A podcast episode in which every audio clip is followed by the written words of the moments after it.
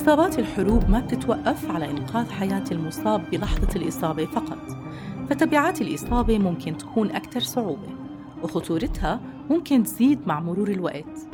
تترك إصابات الحروب آثار بتتجاوز البعد الجسدي وبتوصل تأثيراتها على حياة المصاب الاجتماعية والاقتصادية وأيضاً حالته النفسية وكامل مستقبله.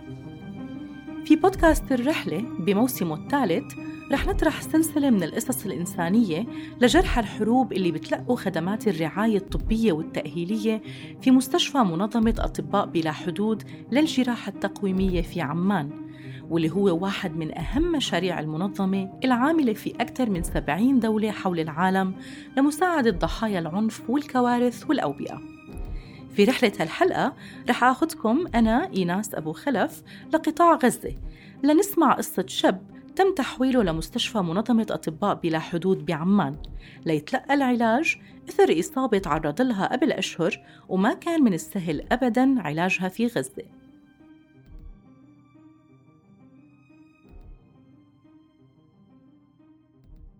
إياد شب غزاوي من منطقة الشيخ رضوان كان بيشتغل في مجال الموسيقى قبل ما يتعرض لإصابة بطلق ناري أطلقته عليه قوات الاحتلال الإسرائيلي.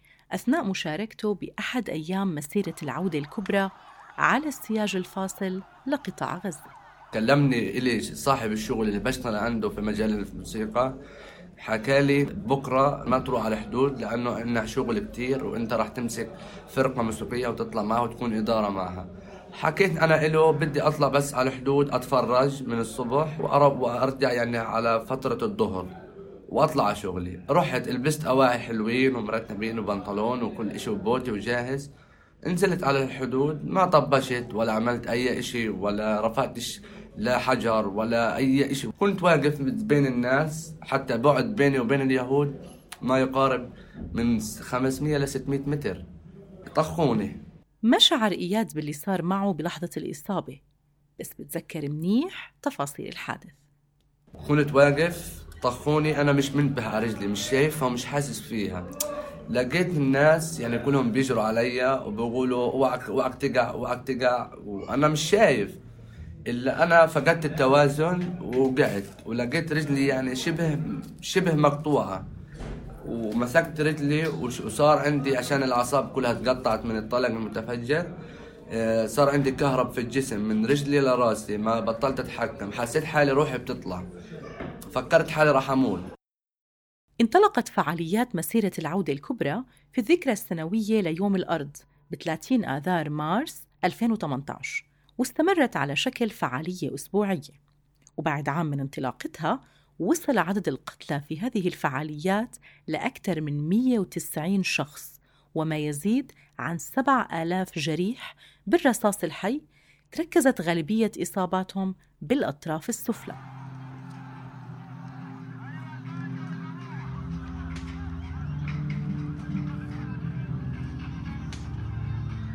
مع مرور الوقت وفي ظل عدم حصوله على العمليات الجراحية المعقدة لتقويم عظامه والعلاج بالمضادات الحيوية أصبح إياد بيشعر باليأس وأثر ذلك على حالته النفسية. وبعد الإصابة صرت أنا ماليش نفس للعزف ولا للشغل ولا لغيره لأنه أنا رجلي خلتني بالمرة يعني صرت كل تفكيري مش في العزف ولا تفكيري في الشغل ولا في تفكيري في إشي تاني. تفكيري كله في الإصابة وقتيش أمشي وقتيش أنا أتعالج وقتيش أرجع لطبيعتي هل حرجع أو ما أرجع. تقريبا يعني نص أصحابي بعدوا عني صاروا يكرهوني إيه، صاروا الكل يقول لي بعد إصابتك أنت ما ما ما عادش في منك منفعة ولا فايدة ليش إحنا نصاحبك؟ وبعدوا عني. إيه، فالإصابة هذه دمرت كثير شغلات في حياتي. بعد إصابته نقل إياد لمستشفى تابع لوزارة الصحة في غزة وقضى هناك 27 يوم خضع خلالها لعدة عمليات وبعدها جرى تحويله لعيادة منظمة أطباء بلا حدود ليحصل على الرعاية الجراحية ورعاية ما بعد العمليات اللي بتوفرها المنظمة. المستشار الطبي في أطباء بلا حدود محمد أبو مغيصيب بيروي كيف كانت حالة إياد عند وصوله لعيادة المنظمة. نظرا لإصابته ونظرا للمنطقة منطقة الإصابة التي كانت موجودة في ساقه فاحتاج إلى آه، رعاية شبه يومية آه، للغيار وبعد ذلك حتى آه، لا لا يفقد الحركة في قدمه. أيضا تم تقديم له خدمة العلاج الطبيعي في في العيادة. أكد الدكتور أبو مغيصيب إنه حالة إياد ما كانت سهلة. ولأنه علاج حالات الإصابات المعقدة ما بيتوفر بغزة خاصة مع وجود عدد كبير من الإصابات. وهذا بسبب الحصار ونقص المنشآت والخبرات الطبية في القطاع. ولهيك كان لازم يتحول إياد للعلاج خارج غزة.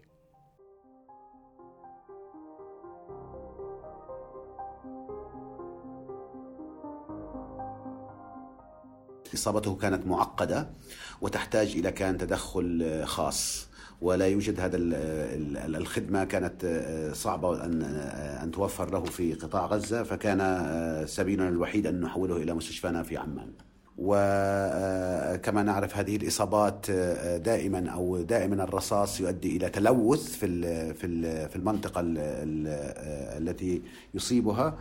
فإياد كان معرض أنه آه، أن يفقد ساقه إذا لم آه، يتمكن من آه، الحصول على عملية جراحية متخصصة في العظام. بحكم الحصار المقام على قطاع غزة ومحدودية الحركة للي بيعيشوا في القطاع بيصعب على منظمة أطباء بلا حدود توفير التنسيق اللازم لخروج الجرحى للعلاج في مستشفاها بعمان. الدكتور أبو مغيصيب بيوضح آلية تحويل الحالات من غزة. نقوم بتعبئة ملف طبي للمريض أخذ أشعة للإصابة ونقوم ببعث هذا الملف إلى فريقنا الطبي الموجود في عمان. ويقوم الفريق الطبي في عمان بتحديد آه، الخطة العلاجية إذا كان يحتاج إلى آه، عملية جراحية أو لا أو إذا كان يحتاج إلى متابعة من فريقنا الموجود في غزة. إذا كانت الحالة آه، تحتاج إلى عملية تقويمية في عمان يقوم الفريق في عمان ببعث الخطة العلاجية والدعوة للحضور ونقوم في الفريق الموجود آه، في آه، غزة والفريق الموجود في مكتبنا في القدس بالتنسيق تنسيق للجهة الأردنية والجهة الإسرائيلية حتى يتمكن المريض من العبور. هذه تأخذ من شهرين إلى ثلاثة أشهر حتى يتمكن المريض آه، من حصول على الموافقة للسفر. باءت محاولات إياد لاستكمال علاجه في غزة بالفشل لكن حالته كان تم الموافقة عليها لتلقي العلاج في عمان. بس التنسيق مع الجهات الإسرائيلية أخذ وقت وكل ما كان الوقت يطول كان يشعر إياد بمزيد من اليأس والكثير من القلق على رجله. رحت أحجز لعملية لزراعة العظم والأعصاب. حكوا لي لسه بدك تستنى عبين ما يصل الوفد البريطاني الأجنبي البريطاني حكيت لهم بعيدة وممكن رجلي تلتهب أو يصير فيها إشي التهابات لا سمح الله أو يصير عندي مضاعفات. حكوا لي هاي الموجود. في نفس اليوم صرت أعيط وتعب وكآبة لا أكل ولا شرب ولا بقعدش مع الناس ولا إلي حتى نفس أقعد مع أهلي. الساعة ستة المغرب نفس اليوم اتصل علي اللي هو إدارة أطباء بلا حدود حكوا لي إياد الكحلوت أنت يوم الخميس مسافر. حكت حكوا لي جاهز حكيت لهم جاهز. من اللحظة هذه من بعد المكالمة إيه، يعني صار عندي فرحة مش بس أنا إلي فرحة إلي وفرحة لأمي وفرحة لإخواني وفرحة للعيلة وللحبايب يعني. بعد كل التجارب اللي مر فيها إياد والصعوبات اللي واجهته في سبيل بحثه عن واحد من أبسط حقوقه وهو العلاج لإصابته كان من الصعب عليه تصديق إنه رحلته للأردن رح تحصل. حتى بعد مغادرته لقطاع غزة ووصوله لمستشفى أطباء بلا حدود في عمان. كنت زين مصدوم يعني مصدوم ما, ما, ما فرحان أو مبسوط. ولحد ما وصلت الأردن ما صدقتش يعني برضه ضليت في حالة صدمة يمكن يومين ثلاثة. لو وصلت لدرجة إنه اجى طبيب بروفيسور نفسي من أطباء بلا حدود على أساس إنه يعني يقنعني يعني حاول يعطيني فكرة إنه أنا سافرت. يعني إنه أنا مش بصدمة أو مش بحالة حلم. تلقى إياد خلال إقامته بالأردن العلاج اللي كان بيحتاجه على مدى ثلاث شهور. كان من ضمنهم شهر كامل بغرفة العزل بسبب اكتشاف التهاب بكتيري في العظم احتاج لأدوية ومتابعة متخصصة. وأشرف عليه خلال إقامته الدكتور حنا جنحو اختصاصي جراحة العظام والمفاصل في منظمة أطباء بلا حدود. عند وصول إياد لمنظمة أطباء بلا حدود قمت بعملية تنظيف لعظم الساق اليمنى مع أخذ عينات للمختبر للتأكد من نوع الالتهاب الموجود. قمت أيضا بتعديل جهاز التثبيت الخارجي بآخر جديد وأجريت عملية قص لعظم الساق اليمنى لنقل وتعويض منطقة نقص العظم لدى إياد. الحمد لله كانت الأمور منيحة وهلأ إياد عم ننقل نحن العظم آه، السليم لتعويض منطقة النقص عند إياد. بعد إنهاء المرحلة العلاجية الأولى رجع إياد لغزة وهو بانتظار عودته لاستكمال المرحلة الثانية بعد ست أشهر على أمل إنه يقدر يرجع يمشي على رجليه مرة تانية. بعد ما روحت من عمان بحس إنه أنا أحسن من قبل يعني بكتير كتير يعني أنا قبل هيك كانت رجلي ما كنتش أحطها على الأرض لكن بعد ما عملت العملية وطلعت على عمان العملية نجحت صرت أخبط عليها يعني إشي يعني إشي منه. صح إشي قليل مش كتير أصبح إنه أحسن من قبل بكتير يعني إشي أحسن من إشي. وهذا إشي مفرح ومب يعني بخليني أنبسط.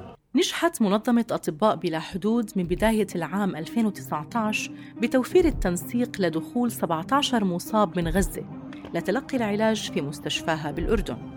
إلا أن هناك أكثر من ألف جريح بانتظار تلقي العلاج لإصاباتهم المعقدة واللي بكاد بيكون توفيره مستحيل في غزة. الأمر اللي بيؤدي في كتير من الحالات لاتخاذ قرار ببتر أطرافهم المصابة كأصعب الحلول لبقائهم على قيد الحياة. استقبلت منظمة أطباء بلا حدود في مستشفاها بعمان أول جريح غزاوي في عام 2009 بينما استقبل مستشفاها للجراحة التقويمية المتخصصة من لحظة إنشائه في العام 2006 أكثر من خمس آلاف حالة من دول كتيرة منها العراق وسوريا واليمن وفلسطين. مع استمرار الحصار على قطاع غزة ل 13 سنة على التوالي بتأكد منظمة أطباء بلا حدود على ضرورة احترام الحق في الوصول إلى الرعاية الطبية في كافة مناطق الحروب والأزمات وضرورة تذليل كل المصاعب لتوفير هاي الرعاية. كنا معكم في هالحلقة من التقديم إيناس أبو خلف ومن الإعداد والإشراف إيهاب زواتي وعلى المؤثرات الصوتية حسين عمري.